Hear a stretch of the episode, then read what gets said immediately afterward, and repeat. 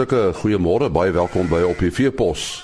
Ons praat vanoggend oor kuilvoer en dan oor Karoo verlammings bosluis. Nou ons ons gesels nou met 'n professor Robert Meeske van die Outeniqua Navorsingsplaas en ons praat met hom na aanleiding van 'n uh, aanbieding wat hy gedoen het oor kuilvoer. Nou ek kan my nie voorstel dat daar iemand is wat nie weet wat kuilvoer is nie, maar miskien verduidelik net wat is kuilvoer, uh, Robert? Ja, kuilvoer is basies 'n proses wat al al baie oud is. Die Egiptenare het al so 1500 voor Christus daarmee begin. Maar ons vat eenvoudig materiaal en ons sny dit af en ons sit dit in 'n kuil of 'n gat en dan moet dit toegemaak word.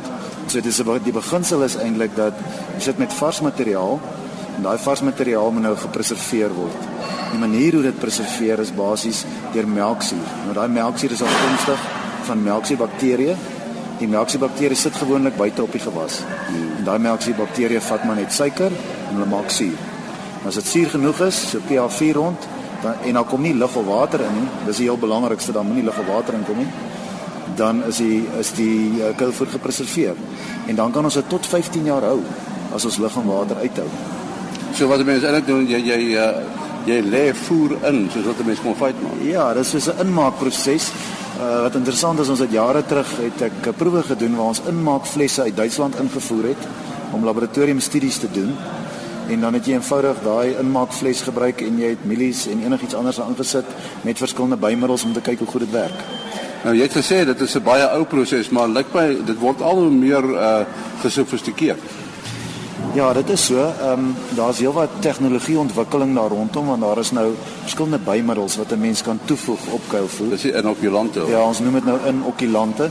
En ag dit bevat hoofsaaklik melksuurbakterieë. Die idee is maar om die regte bakterieë wat suiker baie goed kan benut op die gewas te sit en hulle gaan dan baie effektief gaan hulle dan vir jou suur maak. Hmm. So veral op gewasse net soos uh, tropiese gras en lisern maar baie min suiker is, kan nie bekostig om die suiker te mors nie. Want dan wat dan gebeur is die pH daal nie laag genoeg nie en wat dan gebeur is dan word daai kou vervrot. So die, en dan kan jy niks meer aan doen nie, dit is te laat. So die voordeel van kuilvoer is uh, dat dat jy dit lank kan hou. Uh, voedingswaarde? Ja, die voedingswaarde van goeie kuilvoer is net 'n klein bietjie minder as wat die groenvoer was.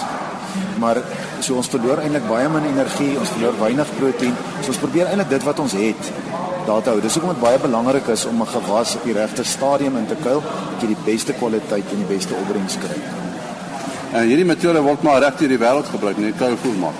Ja, dit is 'n metode wat reg deur die wêreld gebruik word, maar daar word byvoorbeeld kuilvoer gemaak in ronde bale waar ronde bale toegedraai word met plastiek. Daar word kuilvoer bo op die grond gemaak. Uh en dan ook kuilvoer in bunkers. Uh, dis natuurlik as jy kuilvoer wil lank hou, is dit baie goed as hy in 'n bunker is en baie goed afgeseël is.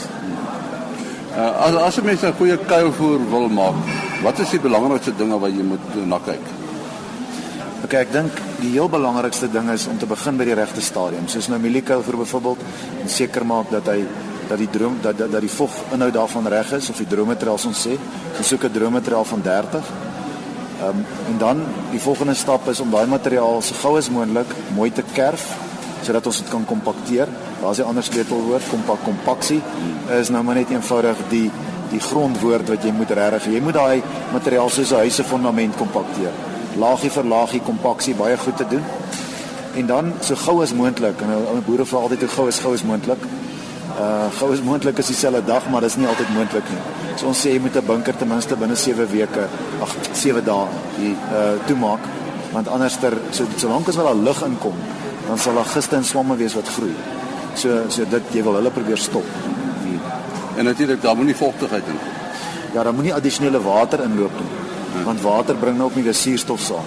Dit as ou eintlik dink aan die inkoulproses, nee, in die in die ou dae het ons mos hierdie koue torings gehad. Ja, Nou daai toring was eintlik wonderlik want koolsuurgas ja. is wel swaarder as suurstof en dit is onder in die toring. En dan dan het jy eintlik 'n suurstofvrye omgewing. Maar dit is natuurlik nie prakties om dit vandag mee so te doen. Ja, baie dankie professor Robin Meesker. Ja, ons gaan nou gesels oor uh, Karoo verlammings bosluis. En uh ja, as mens so in die koeler maande ingaan met die winter, jy weet dan is die boere baie maklik baie maklik op hulle gemak en hulle dink nie dat die uitwendige parasiete 'n groot probleem is nie. Maar die Karoo verlammingsbosluis is uh blykbaar dan op sy aktiefste. Ons praat nou met Dion van Emmenus van MSD Dieregesondheid oor hierdie bosluisverlamming. Hoekom is hy die tyd van die jaar dan baie aktief? En hierdie groot die gedeelte wat gebeur, die bosluis word ge al, al getrigger deur koue fronte wat deurkom, gewoonlik hierso Mei maand, Junie maand. En dit sal as gevolg van hierdie koue soek hulle dan warmer areas of warmer diere. Hulle is gewoonlik 'n drie gasheer bosluis om met ander woorde hulle gemaak gebruik van plaasneusmuise, tarantale en hulle kom gewoonlik in besenbos areas voor. So nou as die bokke en skape in daai areas ingaan, is dit nou outomaties vir 'n warmer plek om dan te wees en dan gebruik hulle hierdie gasheere dan om hulle lewensiklusse dan verder te kan voltooi in dit daarso. Maar hoekom die naam want hy kom seker landwyd voor? Primêr tradisioneel en die het die Karoo Vlammers Mosluis die Karoo area dan ook die Vrystaat gedeelte as ook die oostelike gedeelte van die Weskaap voorgekom. Wat ons die laaste tyd wel kry as gevolg van vervoer, deesdae wat jy skape op een plek kan koop en vandag en môre is hy weer op 'n ander plek, het ons al wel gevalle gekry waar die Karoo Vlammers Mosluis nie meer net tradisioneel in die sentrale Karoo voorkom nie, maar hy kom op ander plekke ook voor. Maar ons hoogste tendens waar die siekte waargeneem word, is tradisioneel die Karoo Vrystaat gedeelte. As gevolg van die kou, baie kouer gedeeltes wat ook daar is, nie. En is dit nou is hy op beeste of of skape aktief? Primêr dat jou, jou jou jou kleiner diere is meer vatbaar daarvoor. Jy kry wel dat jou jong kalfies op meer vatbaar as jou ouer koeie inderdaad. Dis as gevolg van die toksien wat dan die deur die wyfie bolhuis en die mannetjie bolhuis dan afgeskei word om dan die verlamming paralise te veroorsaak op die senuweestelsel van die diere. En dis gaan lê die diere dan en jy kan dan as te ware op skape, bokke as ook op jong kal kalvers dit wel kry daarso en nie.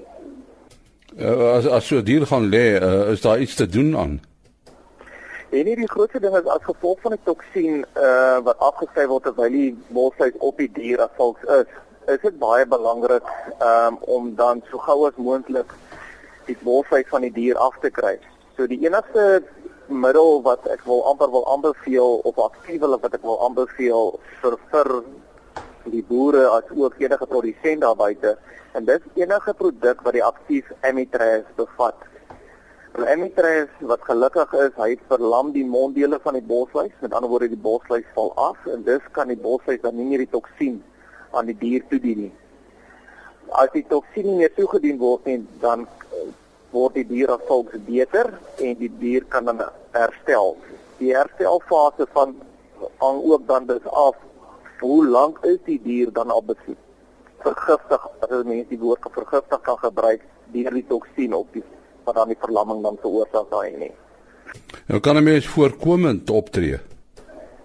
Ja, mens kan voorkomend. Ehm uh, tradisioneel baie van die produsente sal al weet in watter areas of watter kampe is meer prominent as ander kampe. Dit is gewoonlik onveilige hellings waar die koue fronte nou eers wat tradisioneel meer vatbaar is vir hierdie boshuis so wat ons dan aanbeveel is om dan ehm um, enige porrelmiddel of gietmiddel dan in die oksale van die diere te smeer. Vir al skape en bokke. En hulle dan as ware deur daai kamp te laat beweeg so gou as moontlik so 2 tot 3 dae hulle dan weer te behandel en dan miskien dalk weer as 'n stofvyer effek daar te gebruik.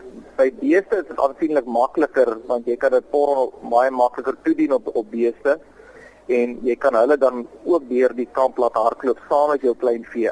Sou die boer dan tot uh, beeste beskik op sy op sy area wat hy wil bedek. As 'n mens nou so 'n bosluis op 'n dier sien, hoe sê jy weet dit is die Karoo verlammingsbosluis?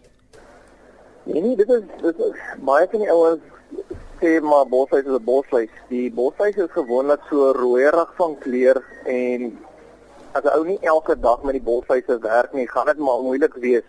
Uh wat hy word baie kere van van eentjie af verwar met jou ander twee gasjie bosluise, naamlik die rooi poot en die uh bond uh rooi poot as ook die bondpoot bosluis daarso.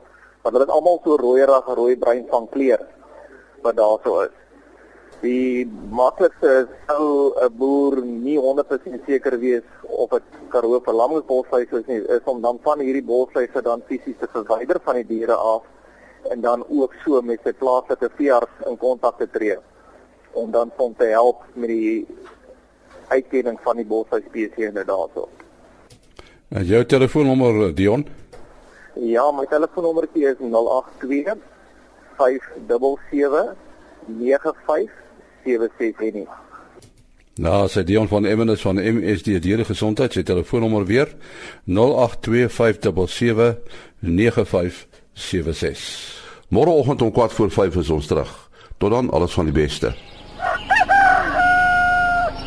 Ah.